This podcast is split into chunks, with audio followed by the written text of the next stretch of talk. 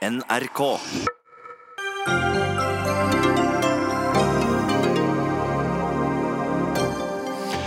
Driter naturvernerne i verden pga. sin vindmøllemotstand på land, slik en av Norges rikeste menn mener. 30 millioner kroner skal staten bruke på årets bokmesse. Mens det festes og skåles i Frankfurt, ja så dør bokmangfoldet her hjemme, mener forelegger. Østfoldbenken ber Stortinget ruste seg til kamp for Østfoldbanen. Politikere fra samtlige partier i fylket samler seg nå om et felles mål best mulig jernbane mot Sverige.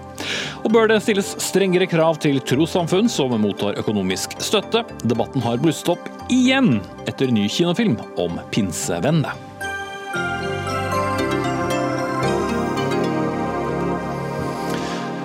Da ønsker vi god kveld og sier velkommen til ukens første Dagsnytt 18. Jeg heter eh, Espen Aas. Og vi skal eh, starte med det som etter hvert har blitt et av de aller heteste temaene å diskutere her hjemme, nemlig vindkraft. For er utsikten viktigere enn kloden? Og Norge viktigere enn verden?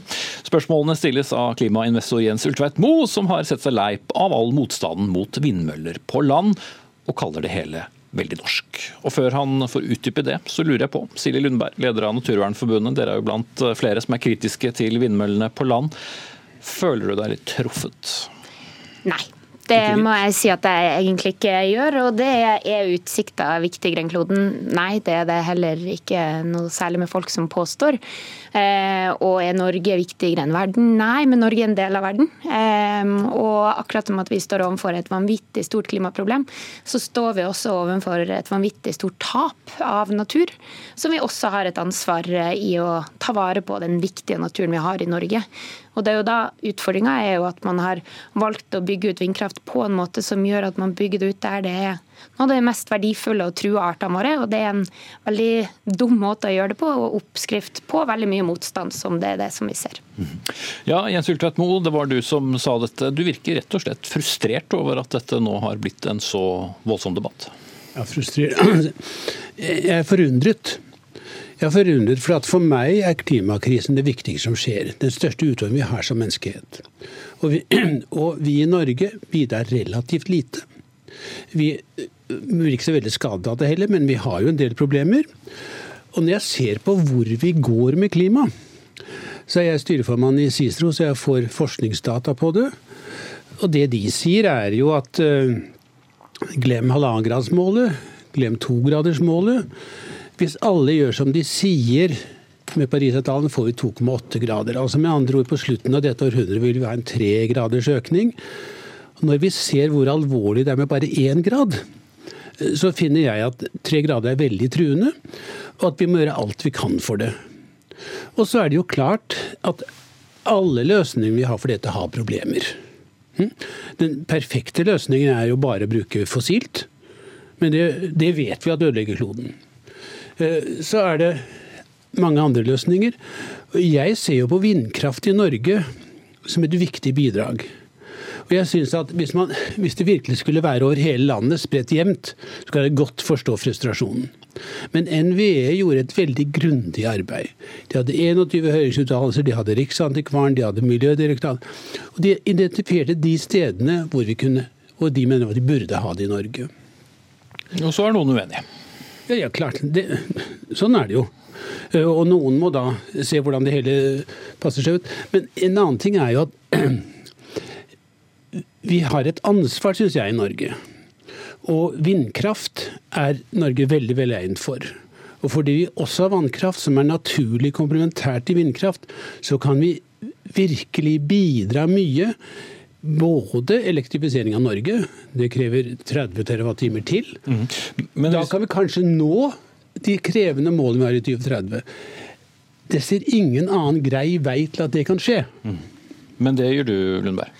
Ja, altså, Vi mener at man har starta litt i feil ende her. Altså, det, og det er jo, Hvis du ser på oss norske politikere, hva man har promotert, så har det alltid virket som at det er mye mer eh, stas og gunstig å skulle klippe over snora på et nytt eh, vannkraftanlegg eller nytt vindkraftanlegg fram til nå da motstanden har blitt så stor, enn å sørge for det som jo er Norges største kraftverk, som er energisparing i de tusen hjem.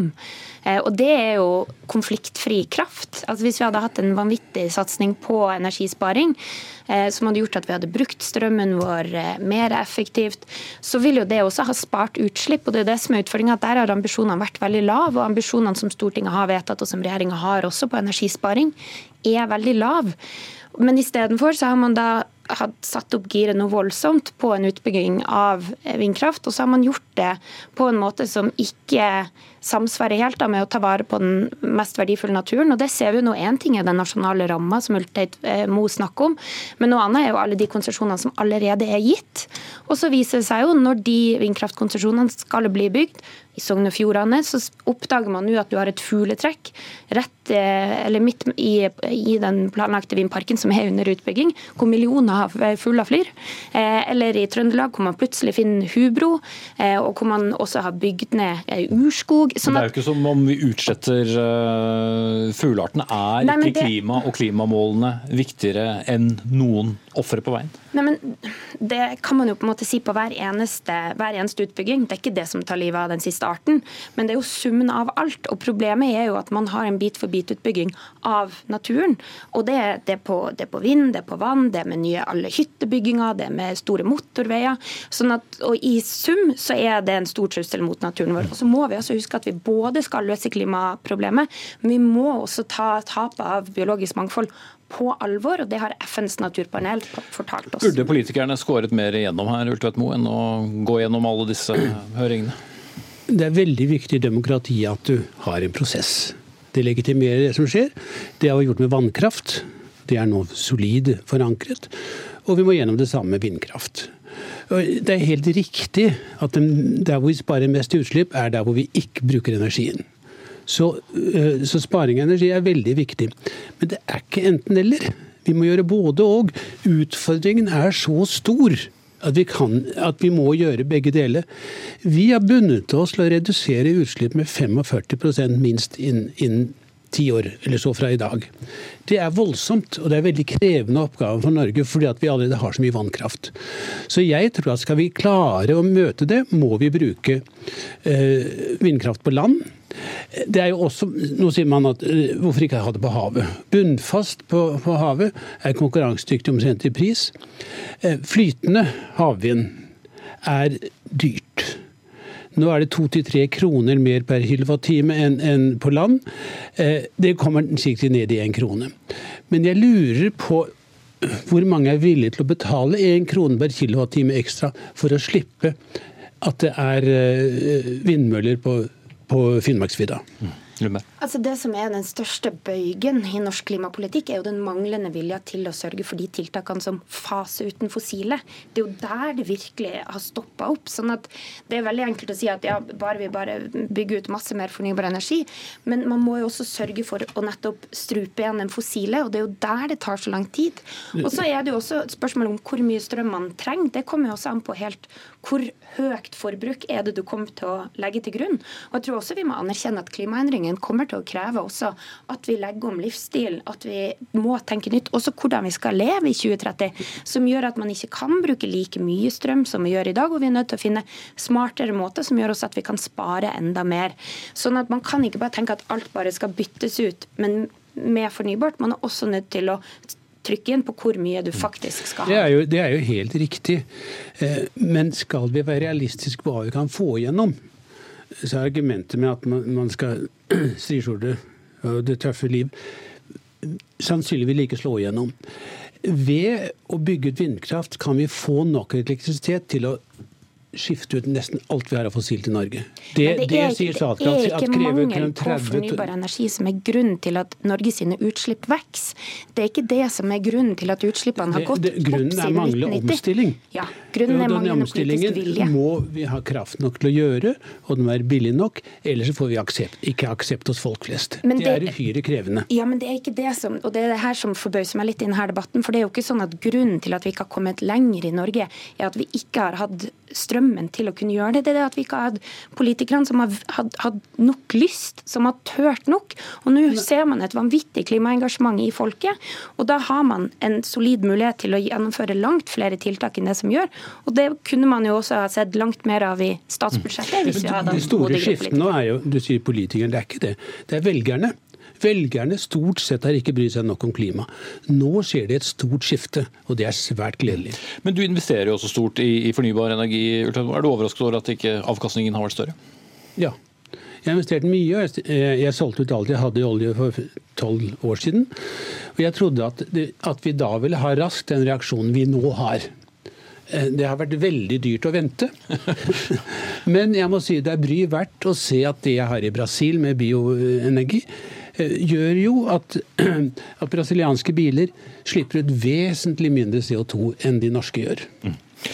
Vi må sette strek der. Ingen vinn-vinn-situasjonen i vente. Takk skal dere ha, Jens Hylteit Moe, investor, og Silje Lundberg, leder av Naturvernforbundet.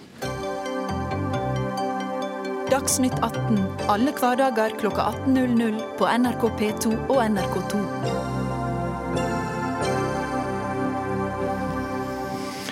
Statsminister, kulturminister, prinsesse, eller kronprinsesse til og med, eh, og 100 norske forfattere. Alle kommer eh, de til det som omtales som litteraturens eh, OL, nemlig Bokmessen i Frankfurt som åpner i morgen, og hvor Norge i år er æresgjest.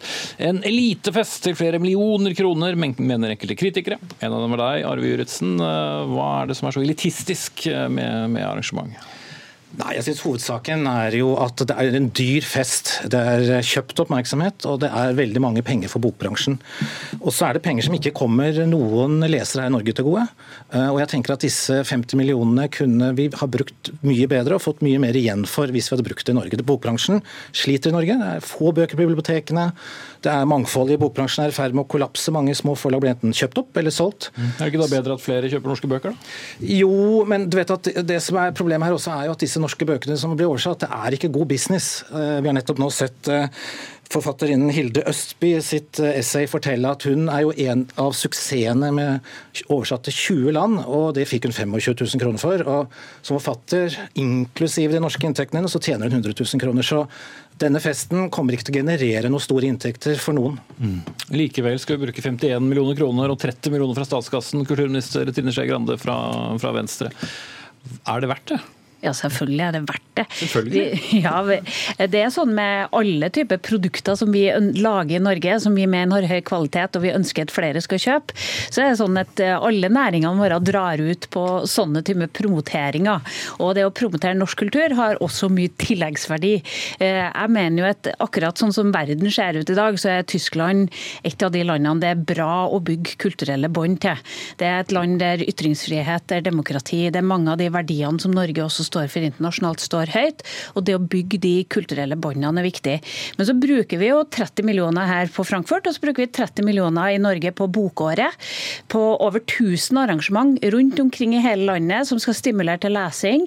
Og sørge for et eh, og kampanje med Hele Norge leser og hele de, de tiltakene der. Og det er veldig lite fiff. Det er veldig mye sur kaffe og kulturkjerringer, og det er veldig mye unger som får lov til å oppleve litteratur og forfattere forfattere rundt omkring i Norge i år. Vi viser oss frem på denne bokmessen hvert år, eller er jo der forlagene drar. Men det å være æresgjest, det er en viss verdi i det, Juritzen?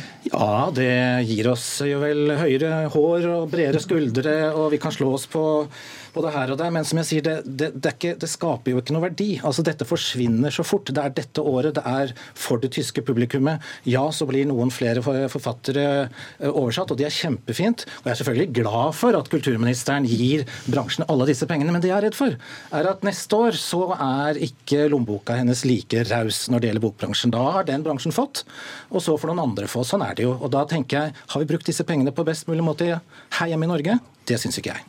Da kan vi se på en liten leserveiledning inn i statsbudsjettet for neste år. Da. Vi øker jo antall kunstnerstipender, som er en viktig basis nettopp for å løfte opp eh, nye forfattere. Jeg tror jo Norge kanskje har det, i forhold til språkets størrelse, flest antall forfattere eh, som noe annet språk på vår størrelse kan ha. Så virkemidlene våre funker jo, litteraturpolitikken funker. Og det andre er jo at det er jo en enorm medieoppmerksomhet i Tyskland nå på dette. Eh, og selv om vi tar bort litt kronprinsesseartikler så er det klart at det er hele bredden av kunstnere. Nå fikk jeg rett før vi gikk inn mail fra Marianne Heske med oppslagene hun har knytta til sin utstilling. Vi ser mange andre store norske kunstnere som får muligheten til å vise seg fram på herre her. Vi, som ikke driver med bøker? Som ikke driver med bøker, men som promoterer norsk kunst og norsk kultur. Eh, og det har også en verdi. Mm. Jeg må få lov til å arrestere kulturministeren her, fordi det er mange som mener at eh, litteraturpolitikken i Norge ikke fungerer. Men det er litt en annen debatt. Men det er klart vi har et mangfold som er i ferd med å bli borte. Vi har en næringspolitikk som gjør at tre aktører får lov til å styre hele bransjen. Vi ser at stadig flere forlag enten forsvinner fordi de ikke har eh, livets rett, for det er ikke penger å tjene, det går til de andre. Eller så er det storkapital som kjøper det opp. Så jeg er ikke enig i at litteraturpolitikken er bra. Men, men liket til Frankfurt er da hva? At de pengene som eh, nei, jeg, bruker der, skulle du brukt her? Nei, jeg bare griper sjansen nå som vi har kulturministeren her, for å fortelle, henne at hun må se på, kultur, eh, på næringspolitikken innenfor litteraturen. Den er ikke sunn. Og norsk litteratur dør litt på rot mens man skåler i Frankfurt. Vi, vi, tar ikke den debatten nå, for nå er det Frankfurt. Nei, men må bare si det, det kan vi gjerne diskutere. Men det er et ugjendrivelig faktum at vi har enormt mange forfattere, enormt mange utgivelser, enormt mange forlag. Og vi har liksom Det vokser og gror. Og det er veldig dumt hvis alt det er noe som vokser og gror i Norge, bare skal ha muligheten til å, å formidles på norsk. Vi et bitte lite språk i en stor verden. Det vi lager må være så bra at vi ønsker at også flere skal oppleve det. Enig, men den veksten du snakker om, at det spirer og gror, den er litt tallkunst. Eh, hvis du ser på dødsfallene, så er den lista også lang. Men altså, utover da noen uh, få som Nesbø, Knausgård og andre, altså hvor mange store internasjonale forfattere vil vi sitte igjen med? Vil det være en dramatisk økning etter å ha solt oss på, på denne bokmessen? Det kan vi aldri helt vite. Det er litt sånn som når, når Vesaas tar av i Frankrike nå med en nyoversettelse, så var det ingen av oss som tippa at det skulle skje. Så, så vi ser jo at, eh, at den muligheten det ligger i så mange oversettelser, så går vi ut i et tyske marked og så vet vi ikke helt hva som slår an. Det var ingen av oss som visste at Maja Lunde skulle ligge øverst i Tyskland i nesten et år på, på salgslistene, så det er vanskelig å vite. Men det er soleklart at vi har noen produkter som De har gått litt av seg selv også, da? Nei, de går nok ikke av seg sjøl. Jeg tror det er mange som jobber hardt for å få det til. Hvis jeg skal skyte inn og være ekstra slemmer, da, siden det er min rolle å være festbremsen nå, så er det jo litt trist, eller søren, det spiller ikke noen rolle, men det er litt trist for denne satsingen at veldig mange av disse norske forfatterne som går så veldig bra ute, skyldes svenske agenter. Eh, og de pengene kommer jo ikke til norske bokbransjen til gode i hele tatt. Nei, men Det er nettopp derfor det er viktig å bygge opp en eksportnæring også av, av kulturnæringene våre. Og sørge for at flere får tilgang på å gjøre det. Sørge for at det ikke bare da er svensker som kan å gjøre den type salgsdelen. Og når, må så, og når du da har 100 forfattere der, og når du har forlagene der Jeg hadde jo håpa å se deg der òg, selvfølgelig. Og sørge for at vi får markert Norge. Og når, når de store som Der Spiegel og sånn skriver at liksom Norge er det mest interessante litteraturlandet akkurat nå, og sånn, det har en verdi når 700 000 lesere av Der Spiegel får de setningene presentert som sannhet. Kan vi en avtale? Jeg ønsker deg god tur hvis du vil snakke kultur- og litteraturpolitikk når du kommer hjem, og se på næringssiden ja, av det. Det skal vi absolutt gjøre, for det skal vi se om vi får til bra. Men da trenger vi også å satse utafor Norge, og det er det vi gjør nå. Agnes Moxnes, kulturkommentator i NRK, du skal også reise denne bokmessen. Eh, vet vi noe om uh, hvordan det påvirker boksalg og, og sole oss litt ekstra i, i blitslampene? Altså dette Gjesteland-prosjektet, som vi er, liksom blitt, vi er blitt et gjesteland i år, det har bokmessa vært det eneste år. Jeg vil tro at det er en utveksling. altså De får ekstra oppmerksomhet til bokmessa fra de landene som er gjesteland, sånn som vi snakker om bokmessa i Frankfurt nå. Vi har ikke snakket så mye om den før. Og vi får glans eh, tilbake igjen. Det er jo først og fremst en kjempestor, gigantisk markedsplass for, eh, for bøker. Nå puttes det inn ekstra penger for at både bøkene, forfatterne, men også Norge skal fra, få oppmerksomhet. Mm. Men hva slags forfattere er det som deltar, da? Alt? Ja, det er 100 norske forfattere. Og det er jo, som Trine Skei Grande sier, at det er jo flere av dem som har fått veldig mye oppmerksomhet i tyske medier nå. Eh, nevnt egentlig i nobelprissammenheng flere av dem. Altså Dag Solstad, Jon Fosse, Knausgård er selvfølgelig et sånt navn. Eh, Åsne Seierstad kommer, Maja Lunde altså Det er jo bare å ramse dem opp. Men det er også en god del unge forfattere som kommer, og som det er stor interesse for. Og og det er Altså, Bokmessa har, den har en voldsomt sterk posisjon i Tyskland. og Derfor så er tyske medier spesielt oppmerksomme hvert eneste år på hvilket land som også er gjesteland. Så, så dette er en kalkulert risiko, vil jeg si. Og, så det kan hvis, gå bra? Det, det, kan, det bør gå, gå, bra. Rett og slett Forholdene ligger til rette for at det skal gjøre det. Men det er jo helt opplagt. Man må jo følge med og, og se om, om, dette blir mer enn en slags eh, champagnedrikkende stormannsgalskap. Men skal, hvorfor skal norsk litteratur, lille Norge med ja, noen eh, internasjonalt kjente forfattere, nødvendigvis eh, slå så godt an når vi har så mange andre land som er til stede? Nei, fordi vi er dyktige. Og så mener jeg at eh, kulturell kommunikasjon mellom land er viktig. Det å ha forståelse, det å slutte å lese hverandres bøker. Jeg mener at Hvis noen skulle hatt fredspris, så er det oversetterne. Oversetterne som sørger for at vi leser hverandres bøker på tvers av kulturer og språk. Det er viktig fredsarbeid. Og det at vi vestlige demokratiene som løfter idealer som ytringsfrihet og demokrati høyt, faktisk klarer å bygge bånd seg imellom, mener jeg også har en verdi. Festbremsen skal få siste ord. Hva vil være ditt suksesskriterium? Hva vil du se komme ut av denne bokmessen for at du skal endre mening? Nei, altså Vi kommer jo til å se at det er flere norske forfattere som blir oversatt. Men som sagt, økonomien i det hjelper jo ikke når du ikke kan leve av det. Men eh, all oppmerksomhet til boka er bra. Kulturministeren er snill som gir mange penger. Og så håper jeg nå at hun tar og kikker litt på mulighetene i Norge, slik at vi fortsatt har et mangfold. Slik at ikke mellomsjiktet av forlag og utgivere dør, og ikke minst at forfatterne kan leve av å skrive bøkene. Jeg kan avslutte med et sitat av Jules Renard. Beklager eventuelt dårlig uttale. Litteraturen er tross alt det eneste området hvor man kan la være å tjene penger uten å virke latterlig. Takk til uh, Trine Skei Grande, kulturminister fra Venstre, forlegger Arve Juritzen og vår egen kulturkommentator Agnes eh, Moxnes. Og tar også med at uh, du også kan få delta på denne elitefesten om du vil, for nå på torsdag så sender vår radiokanal NRK P2 hele dagen fra den nevnte messen.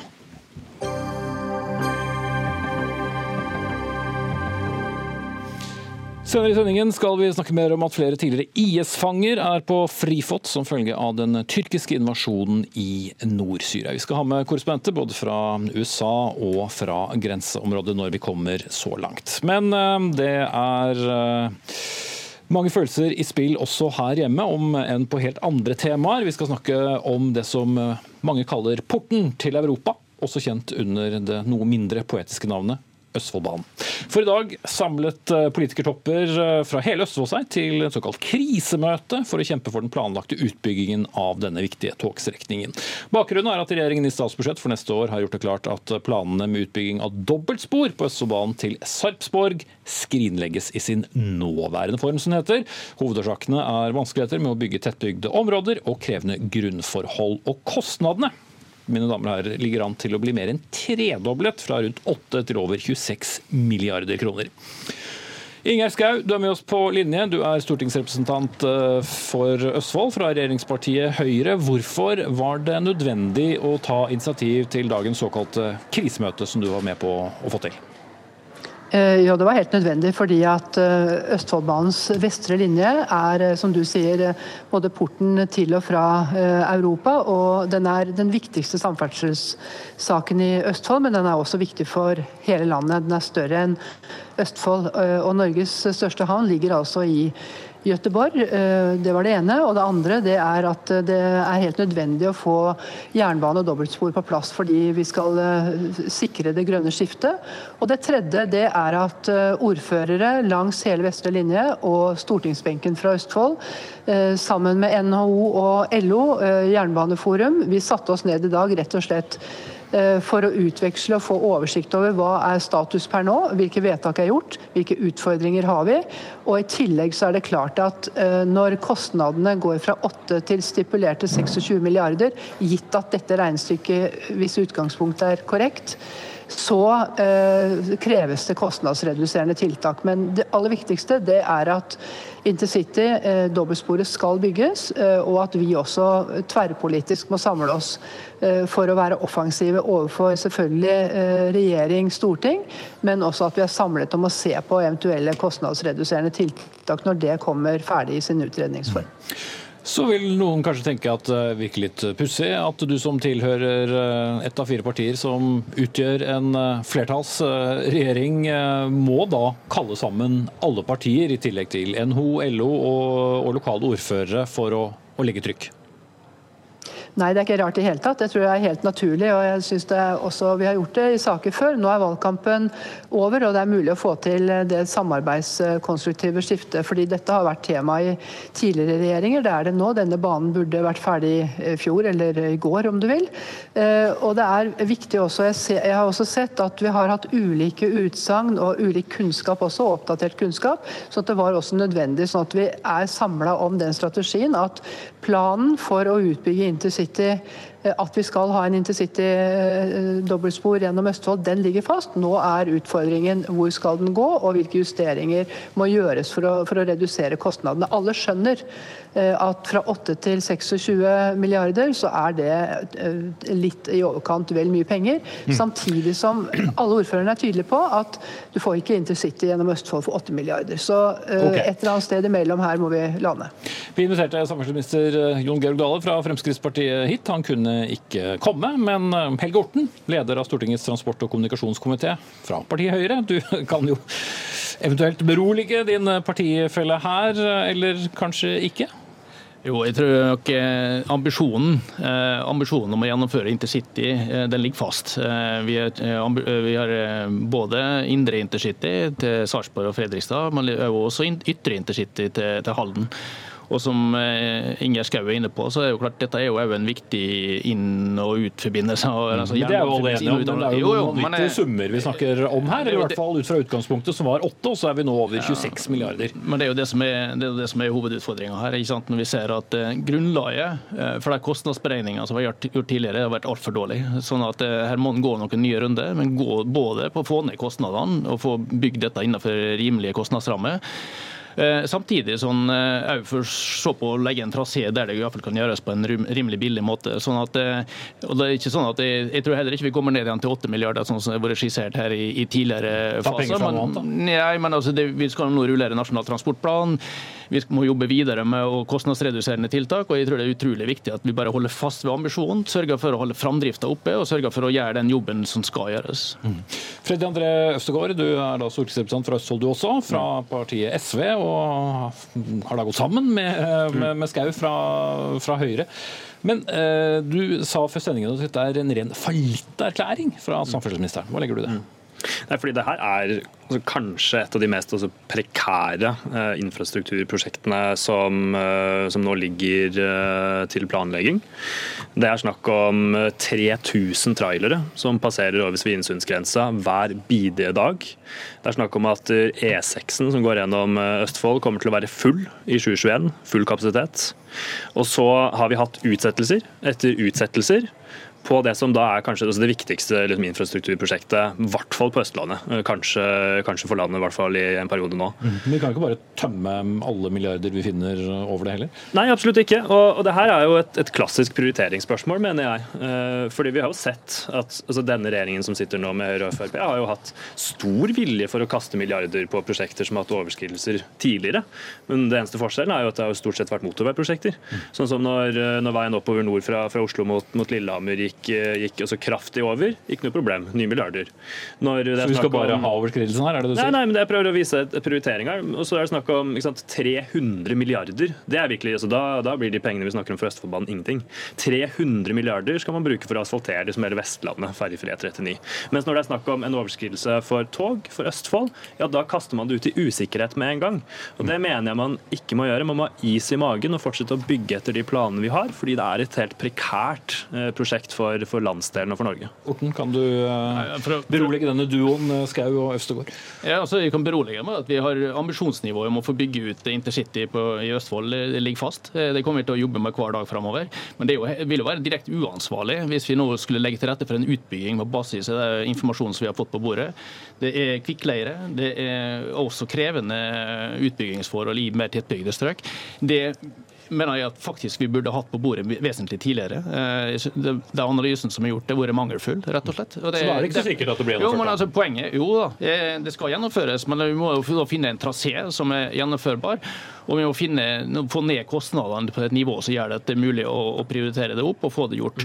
Men det, når det vises her til andre typer samferdselsprosjekt, altså denne utfordringa den tar vi fatt i i alle deler av samferdselsutbygginga. Når det viser seg motorveier, altså det vi har lykkes med der, er jo nettopp å få ned kostnadene for å bygge billigere per meter, nemlig ved å organisere oss litt annerledes. Så det, det er litt av poenget nå også med Du kan ikke organisere ja, det bort fra kvikkleire? Nei, men du kan ikke organisere bort fra kvikkleire, men du kan tenke annerledes og bygge smartere og mer effektivt. Og det som er litt av hovedutfordringa her, det er at beslutningene i utgangspunktet er fatta på for tynt grunnlag, for svakt grunnlag. Derfor må vi også organisere oss annerledes innenfor jernbanesektoren, og det er vi godt i gang med. Østgård. Men det som er viktig her, er jo at statsråden sjøl, altså samferdselsministeren Dale, var ute før helga i VG og sa at han ikke lenger kan love noen ting. Og, og da mener jeg det er litt for svakt å, å høre om ambisjonsnivået eh, fra, fra, regjeringspartiene nå, fordi den prekære situasjonen vi står i krever noe mer. Og nå har også en samla Østfoldbenk med ordfører langs hele vestre linje slutta seg til et krav om at vi er nødt til å fortsette utbygginga etter planen. Det er viktig for Østfold, det er viktig for altså, veldig mange arbeidsplasser f.eks. eksempel i denne regionen. Både LO og NHO i Viken stiller også, stiller også bak. Og den usikkerheten som denne regjeringen da har skapt, når Dale sier at den ikke kan love noen ting, det mener jeg er veldig uansvarlig. Men det er jo ikke sånn at det, det er skapt en usikkerhet knytta til gjennomføring. Det statsråden har sagt, er at han ikke kan gjennomføre i sin nåværende form. Eh, det, det er ikke det usikkerhet? Da? Eh, ja, men det, Usikkerheten ligger jo i eh, de fakta som har kommet på bordet når det gjelder både grunnforhold og, og andre ting, og, og, ikke minst det med kostnadsnivået som vi her ser. Dette gjelder alle samferdselsprosjekt. Har vi kostnadsoverskridelse på tre ganger, sånn som du beskriver det her, så er det helt åpenbart at vi må ta en ny gjennomgang av prosjektet, optimalisere det og sørge for å få kostnadene ned. Og da er vi jo klare til å bygge på et senere tidspunkt. Elise Bjørnbekk Vågen, du er også stortingsrepresentant fra Østfold. Du er da fra Arbeiderpartiet. Litt eh, edruelighet og økonomisk eh, ansvarlighet er vel ikke å forakte inn i et eh, stort samferdselsprosjekt? Eller? Nei, altså Vi skal være konstruktive og se på løsninger for å gjøre dette på en måte som gjør at vi får ned kostnadene, men det er jo ikke der utfordringen ligger. Utfordringen ligger jo i de formuleringene som nå ligger i statsbudsjettet, hvor eh, regjeringen sier at det er ikke aktuelt å gå videre med prosjektet i et nåværende form. Og Det kaster jo alle ballene opp i lufta, som gjør at vi stiller spørsmålstegn her i Østfold. Hva er det vi egentlig har å forvente oss? Og Det jeg ønsker avklaring på, er om regjeringa kommer til å holde trykket oppe på planlegginga, holde løftene om jernbåt i Østfold, og så skal vi være konstruktive for å finne tiltakene. Ja, jeg har hørt om at han har ambisjoner, men jeg har aldri hørt at han sier at han skal holde trykk oppe på planlegging, og at han holder løftene om at vi får jernbane som lova. Ja, Selvfølgelig skal vi gjennomføre det, men planlegginga pågår jo. Eh, det som er opplegget her er jo at eh, altså, det er kostnadsoptimaliseringa som må gjøres her. Så det pågår jo allerede nå i Bane NOR og i Jernbanedirektoratet. Den jobben blir gjort. Det det som er poenget nå, det er å få gjort de grepene som er nødvendige for å finne en trasé som er gjennomførbar, og komme ned på kostnadsnivået, slik at vi er klare til å gjennomføre det flytte den uh, som ligger der i dag, eller hva mener legger du det? Nei, altså Du må iallfall bort fra så, så. dårlige grunnforhold. fordi Vi kan ikke forsvare å bygge jernbane på for dårlige grunnforhold. Nå hørte jeg både Skau og Bjørnbekk Vågen, men uh, sistnevnte først. Ja, kan da man da garantere at man får, eh, får, eh, stasjoner innom byene? Eh, at man går for vedtatt konsept, og at man holder framdriften, så er jeg fornøyd. Men fram til nå så har jeg hørt ulne formuleringer om ambisjonen, ingen løfter. Mm. Inger Skau, hva har du tolket ut av det du har sittet og hørt på? Nei, Det viktigste her er jo at intercity skal bygges. Og intercity vil jo si at det skal gå der hvor folk bor. Det er planene for Østfold. At Leira plutselig Nei, men eh, kostnadsreduserende tiltak har jeg hørt samtlige ordførere og Østfoldbenk har diskutert i dag. og Alle skjønner at du kan ikke begynne å bygge til eh, over 26 eller 30 milliarder kroner. Alle skjønner det. Men, men intercity vil si at jernbanen skal gå, intercity skal gå der hvor folk bor, og det vil si i byene. Og så får man se på traseen Leira, som har ligget der sikkert i 1000 år. Den uh, har jo kommet litt sånn som julekvelden på kjerringa. Det må jeg si at jeg er ganske kritisk til at man ikke har oppdaget tidligere. Altfor dårlig beslutningsgrunnlag. Helt enig med Orten i det. men at Østfold-samfunnet uh, mener at denne saken er den desidert viktigste, for Østfold. Det er helt åpenbart tverrpolitisk, men den er òg helt avgjørende for, for Mor Norge. Mm. Men uh, Orten, som du hører fra alle, alle Østfold-representantene her. Tidsaspektet er jo det alle er spent på. Hvor lang tid trenger man for å gå igjen dette på nytt? Nei, Det kan ikke sånn svare på sånn eksakt på, på minuttene sagt, eller på timen eller på, på år. For det, det som er, Ikke på år heller? Jo, men altså, Poenget er jo at det arbeidet pågår nå. Eh, Jeg håper og, og tror og, og er helt sikker på at det blir lagt trøkk bak det. Eh, Iallfall så kommer vi til å legge trøkk bak det. fordi det, det er avgjørende å få på plass et godt plangrunnlag her nå. Så sånn at det er Sånn at det er mulig å, å få gjort eh, få fram både reelle kostnadstall, få avklart grunnforhold og det som er, er vanskelig i disse prosjektene. Og så er vi innstilt på at vi skal få gjort en beslutning så raskt som mulig. Øvstegård. Det er veldig viktig. Man skal både ha så gjennomført utbygginga gjennom Østfold, men man kan ikke gjøre kostnadsbesparende tiltak som går utover at, altså at løsningene blir dårligere. Når vi hadde det møtet her i dag i Råde, og det var ikke tilfeldig, fordi Råde stasjon er jo blitt droppa hittil eh, i hvordan det her legges opp til. Og så er også dette med tidsspørsmålet faktisk innmari viktig. F.eks. i Sarpsborg skal man også bygge en ny bru over Glomma. Per dags dato så har man ett krysningspunkt der. Det er altså veldig kritisk for beredskapen hvis det går noe gærent med, med Sandsundveibbrua eh, som går over, over Glomma. Vi har kun ett et krysningspunkt i dag som ikke er sikkert nok, som ikke er trygt. Og Da er det der med tidsspørsmålet og at uh, utbygginga ikke skal bli dårligere enn planen i dag, ekstremt viktig, og det hører vi enda ingen løfte på. Mhm. Da setter jeg strek der. Eh, Takk til hele Østfold-benken, så lenge den finnes. Snart blir det et stort Viken som skal eh, kjempe om oppmerksomheten. Freddy André Øvstegård, stortingsrepresentant fra SV. Inger Schou, stortingsrepresentant fra Høyre. Elise Bjørnbekk Vågen, stortingsrepresentant fra Arbeiderpartiet. Og på motsatt side, om du vil, Helge Orten, stortingsrepresentant fra Høyre.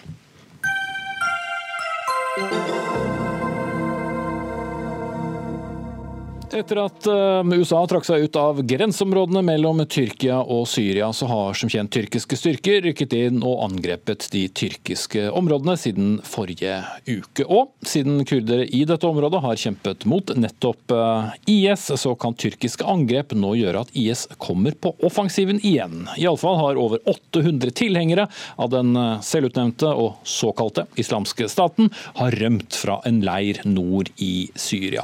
Og Sissel Vår korrespondent, du er i grensebyen Akçakale i eh, Tyrkia. Eh, Hvor spent er eh, situasjonen der? Ja, alle holder jo pusten nå for å se hva som skjer med denne byen Manbij, som ligger en tre-fire timers kjøring herfra, hvis man kunne kjøre i luftlinje. Men både tyrkiske styrker og syriske styrker er på vei dit. Eh, Tyrkia sier at kampen om Manbij er i gang.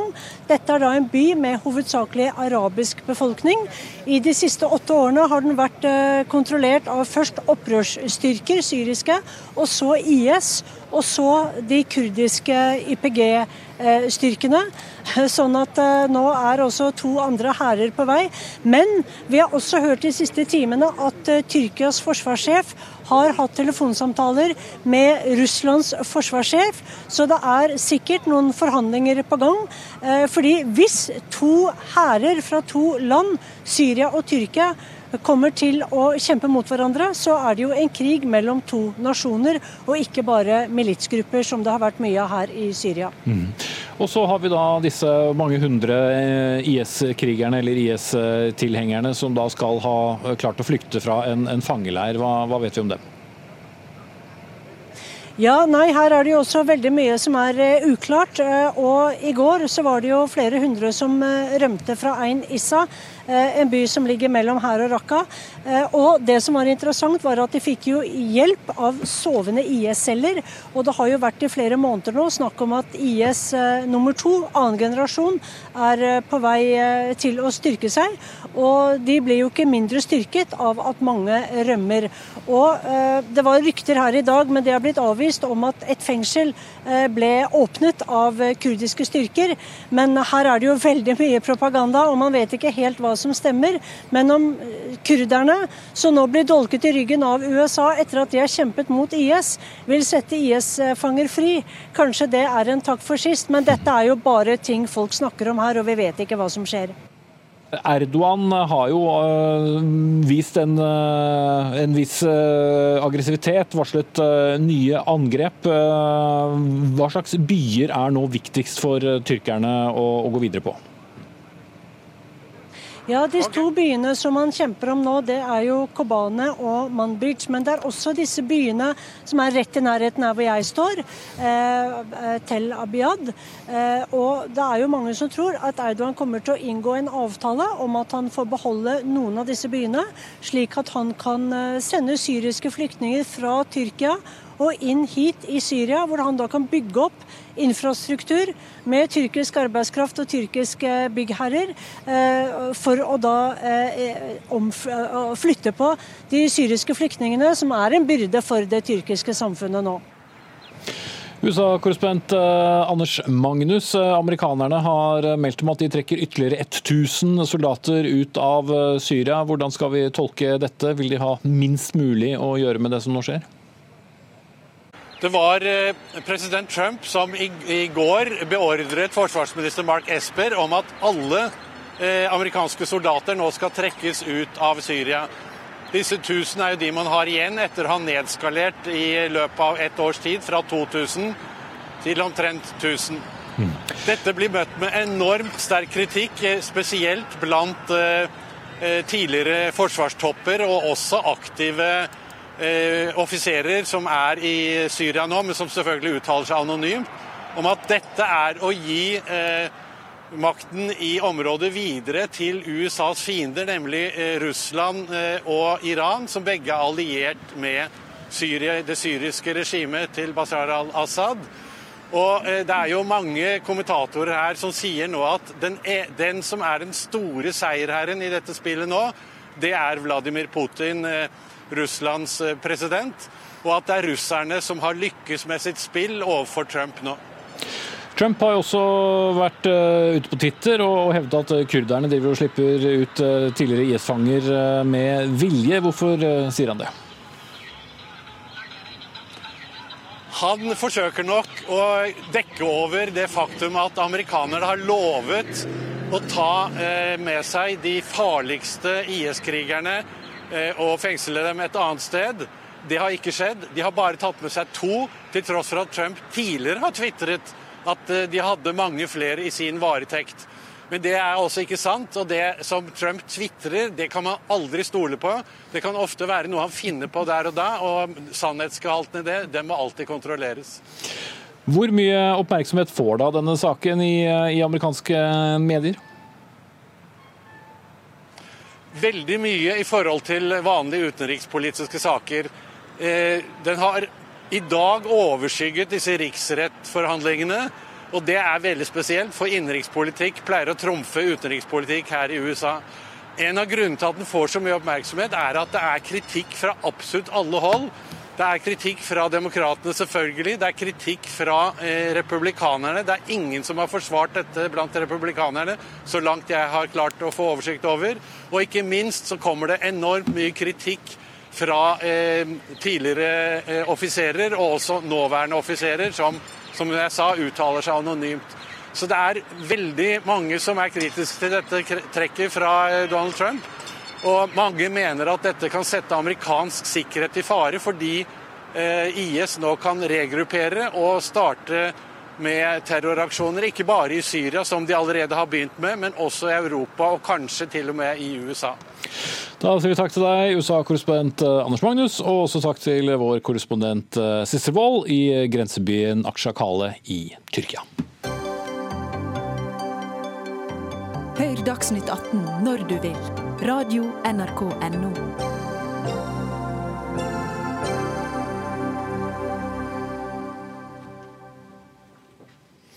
Og da skal vi eh, låne ører og øyne til dette. Og vi vet hvordan det vil gå med dem som ikke følger Jesus.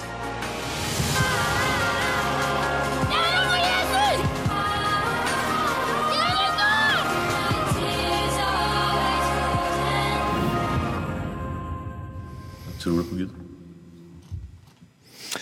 Dette var eh, en filmtrailer som, eh, fra filmen Disko. 19 år gamle Miriam er verdensmester i disko freestyle-dans og medlem av en kristen frimenighet. Og I denne filmen så får hun råd om å ta djevelutdrivelse eller fylle hjertet sitt med Jesus når hun sliter. Miljøene hun vanker i er overfladiske og bokstavtro mot Bibelen. Ingen Ulfsten, eh, du er per dag daglig leder for Pinsevennenes barne- og ungdomsutvalg, men etter nyttår er du daglig leder for hele pinsebevegelsen i Norge. Du mener denne filmen kan bidra til å stigmatisere mer enn den hjelper unge. Hvordan? Først vil jeg si at eh, jeg opplever at vi har et felles anliggende med de som har laget filmen. For vi er veldig opptatt av barn og unges psykiske helse. Mm -hmm. Og vi er opptatt av trygge miljøer. Og vi er opptatt av eh, at den historien som er med Miriam i filmen, ikke, det er ikke en historie vi ønsker å se eller høre om. Mm. Så til spørsmålet. Ja. På den andre siden så ser vi det at denne filmen også kan være med å, å stigmatisere. Eh, eh, og generalisere frikirkeligheten i Norge. Eh, og, vi ser, og vi vil ta disse historiene på alvor, virkelig. Samtidig så ser vi det at det kan stigmatisere både alle disse frivillige voksne som er med hver uke og gir av fritiden sin inn i kirkene. Men det mener jeg er overdrevet? Mm, jeg tenker at det er historier som er fra virkeligheten som ikke er overdrevet, men er, den representerer ikke et generelt bilde av pinsebevegelsen i Norge. Jorunn Myklebust Syversen, du har skrevet manus og hatt regi på, på, på disko. Eh, stigmatiserer filmen? Eh, jeg tenker at det er en fiksjonsfilm, men den er basert på et sett med virkelige hendelser, basert på research jeg har gjort over ganske lang tid. Den er basert på mine egne observasjoner, men også samtaler med mennesker som har vært i usunne trosmiljøer. Eh, og er den spisset? Det er den, fordi eh, jeg tror ikke jeg kunne fortalt en historie om et menneske som mister stemmen sin pga. sine omgivelser, og ikke får lov til å bli sett for den hun er og det hun står i. Eh, hvis jeg skulle ha fortalt hvordan det er for de som har det bra. Jeg måtte fortelle historien fra det ståstedet. Hvordan det kan oppleves hvis du ikke har det bra i et sånt type miljø. Så har du forståelse for de som mener at du stigmatiserer? Jeg kan forstå det fordi Eller jeg forstår at når man Det er tro det er snakk om, det er menneskers uh, liv og um, Ja. Uh, jeg, jeg, forstår det, men jeg syns òg man må tørre å se på når det kan oppstå maktubalanse i, i, et miljø, så tenker jeg at vi må se på det. Mm. Ja, Det er ikke noen dokumentar i dette, Ulstein? Nei, det er ikke en dokumentar. Eh, men eh, vi har valgt uh, å, å, si at denne filmen er viktig, fordi at den er bygget på virkelige historier. Og ta de historiene på alvor fra, fra Guds brente barn, som man noen ganger uh, snakker om. Da. Og Derfor så, så, har vi oppfordret ledere til å se filmen og ha gode samtaler i kirkene. og Jeg er ikke redd for det at vi får et sånn søkelys på, selv om det kan oppleves stigmatiserende, for det kan skjerpe oss. Og jeg tenker at vi også må se på retorikken vår, form, kultur, være obs på hvordan unge mennesker har det. For vi ønsker å skape trygge miljøer for unge mennesker. og hvis det, eh, hvis det blir for overfladisk eller at vi ikke ser barn og unge, så, så er det selvfølgelig viktig at vi, eh, vi, eh, tar det på alvor. Mm. Hva vil du fortelle om disse miljøene med filmen? da, Syversen? Nei, Jeg er egentlig bare enig i det du sa. at For meg er det viktig å se på rammene rundt det å tro i Norge i dag. Og jeg er opptatt av at vi ser, tør å se på barns oppvekstvilkår i trosmiljøer. Jeg tenker at ja. Hvis det er sånn at uh, mennesker ikke har det godt i et miljø, så må man tørre Vi snakker veldig mye om det her med sosial kontroll i eh, minoritetsmiljøer og blant mennesker med en annen kulturell bakgrunn, men jeg mener at vi må tørre å se på det i vår egen kultur. Mm. Og, og Hva er det du har sett som du ikke eh, har ment har vært bra? Mm, jeg mener at uh, nå er jo det her forskjellige retninger innen eller som springer ut fra pinsebevegelsen jeg har sett på. Og da er det sånn at i de mer konservative menighetene så fins det fysiske og psykiske overgrep som jeg ikke tror skjer i de moderne menighetene. Men i de moderne menighetene så tror jeg at det fins en type form og kultur som kan være verdt å stille seg spørsmål ved, f.eks. når det gjelder å koble det, ditt personlige forhold til det å tro med det å donere penger til menigheten. Og det er òg et type Jeg opplever at det kan være et type hierarki i forhold til menneskelige egenskaper som verdsettes i miljøet, og hvor eh, pastorer ofte er menn. Og ja, jeg mener i hvert fall at det er en del ting man kan stille seg spørsmål ved, og det tror jeg man det, De spørsmålene finnes i filmen, da, hvis du ser det. Men er det ikke bare viktig at man får stilt disse spørsmålene og økt oppmerksomheten? Jo, jo, det er derfor jeg har sagt at vi, vi, vi, vi, vi syns dette er en viktig film. Men samtidig så hvis den generaliserer bildet av frikirken i Norge som at i frikirken er det en farlig kultur, der begår, over, begår man overgrep osv., så, videre, så mener vi at det er et bilde som ikke stemmer. For du kjenner deg ikke igjen? Jeg, vi kjenner oss ikke igjen uh, i en del av det. fordi det, det, kan oppleves som at man tar uh, Du sa jo selv at du har skildret ulike miljøer. at man tar liksom liksom tre ulike miljøer og, og rører litt sammen i en gryte, og så kaller alt pinsebevegelsen. Og det er veldig fremmed eh, for oss. Eh, og så er det sånn at vi har en majoritetskirke i Norge. Ehm, og det er også viktig å vite det at det ikke Noen ganger så kan man tenke at alt utenfor det er litt rart, og, og gi et stempel. og noen, og Det har til og med vært avisartikler som at f.eks. Hillsong er en sekt. Og da tenker jeg da, da har man ikke kunnskap om kirkebildet i Norge, for å si det sånn. og det er jo viktig for oss å få. Ja, men Er det ikke også et poeng å løfte frem da enkelthendelser, eller avviser du at eh, det finnes enkelttilfeller? Nei, det er, det er, det vi ikke Det er det vi mener at det finnes enkelttilfeller, og de vil vi gjerne vite om og, og, og håndtere på en god måte. Så i den forstand så er denne filmen veldig viktig. For vi ønsker jo ikke at barn og unge skal, skal vokse opp i utrygge miljøer. Det er jo ingen av oss som gjør. Vi har jo et kurs vi kaller Trygge kirke, f.eks., hvor, vi, man skal avdekke vold og seksuelle okay. overgrep. Um, ja, men, men, men eh, Syversen, ønsker du også at denne filmen Disko skal føre føre til en form for forandring? Ja, jeg ønsker at vi skal tørre å snakke om rammene rundt det å tro i Norge i dag, som jeg opplever at du gjør og andre gjør eh, i møte med filmen. Det syns jeg er kjempepositivt. Um, og jeg opplever òg at man må tørre å se på at det kanskje er flere enn vi tror da, som har det vanskelig i alle disse miljøene. Og jeg sier ikke at uh, dette er alt som fins, eh, og bare, at det bare er sånn. Men jeg har prøvd å se på menigheter som Min research er basert på de menighetene som springer ut fra pinsebevegelsen. Mm. Og det er der jeg har forsøkt å stille spørsmål, da. Mm. Da sier jeg foreløpig takk til dere. Jorunn Myklebust Syversen, som har skrevet manus og regi på filmen 'Disko', og Ingunn Ulstein, som eh, etter nyttår er daglig leder for hele pinsebevegelsen i Norge. Men vi skal for så vidt beholde litt av, av tematikken, for det handler, skal handle om økonomisk støtte til eh, trossamfunn. Og Kari Henriksen, du er stortingsrepresentant for Arbeiderpartiet og medlem av familie- og kulturkomiteen. Dere ber regjeringen innføre flere krav til trossamfunn for at de skal kunne få motta statlig støtte. Hva slags krav? Ja, Vi ønsker at det skal settes tydelige krav for å motta statlig støtte. Da går det på at vi mener at det skal være åpne og demokratiske miljøer eh, og valg. Det skal være 40 eh, kvinner. Eh, vi mener også at det som foregår i enkelte religiøse miljøer og livssynssamfunn med homoterapi, skal forbys. Og vi har også sagt at vi ønsker å innføre en samfunnskontrakt for å videreføre noe av den dialogen som vi har hørt her.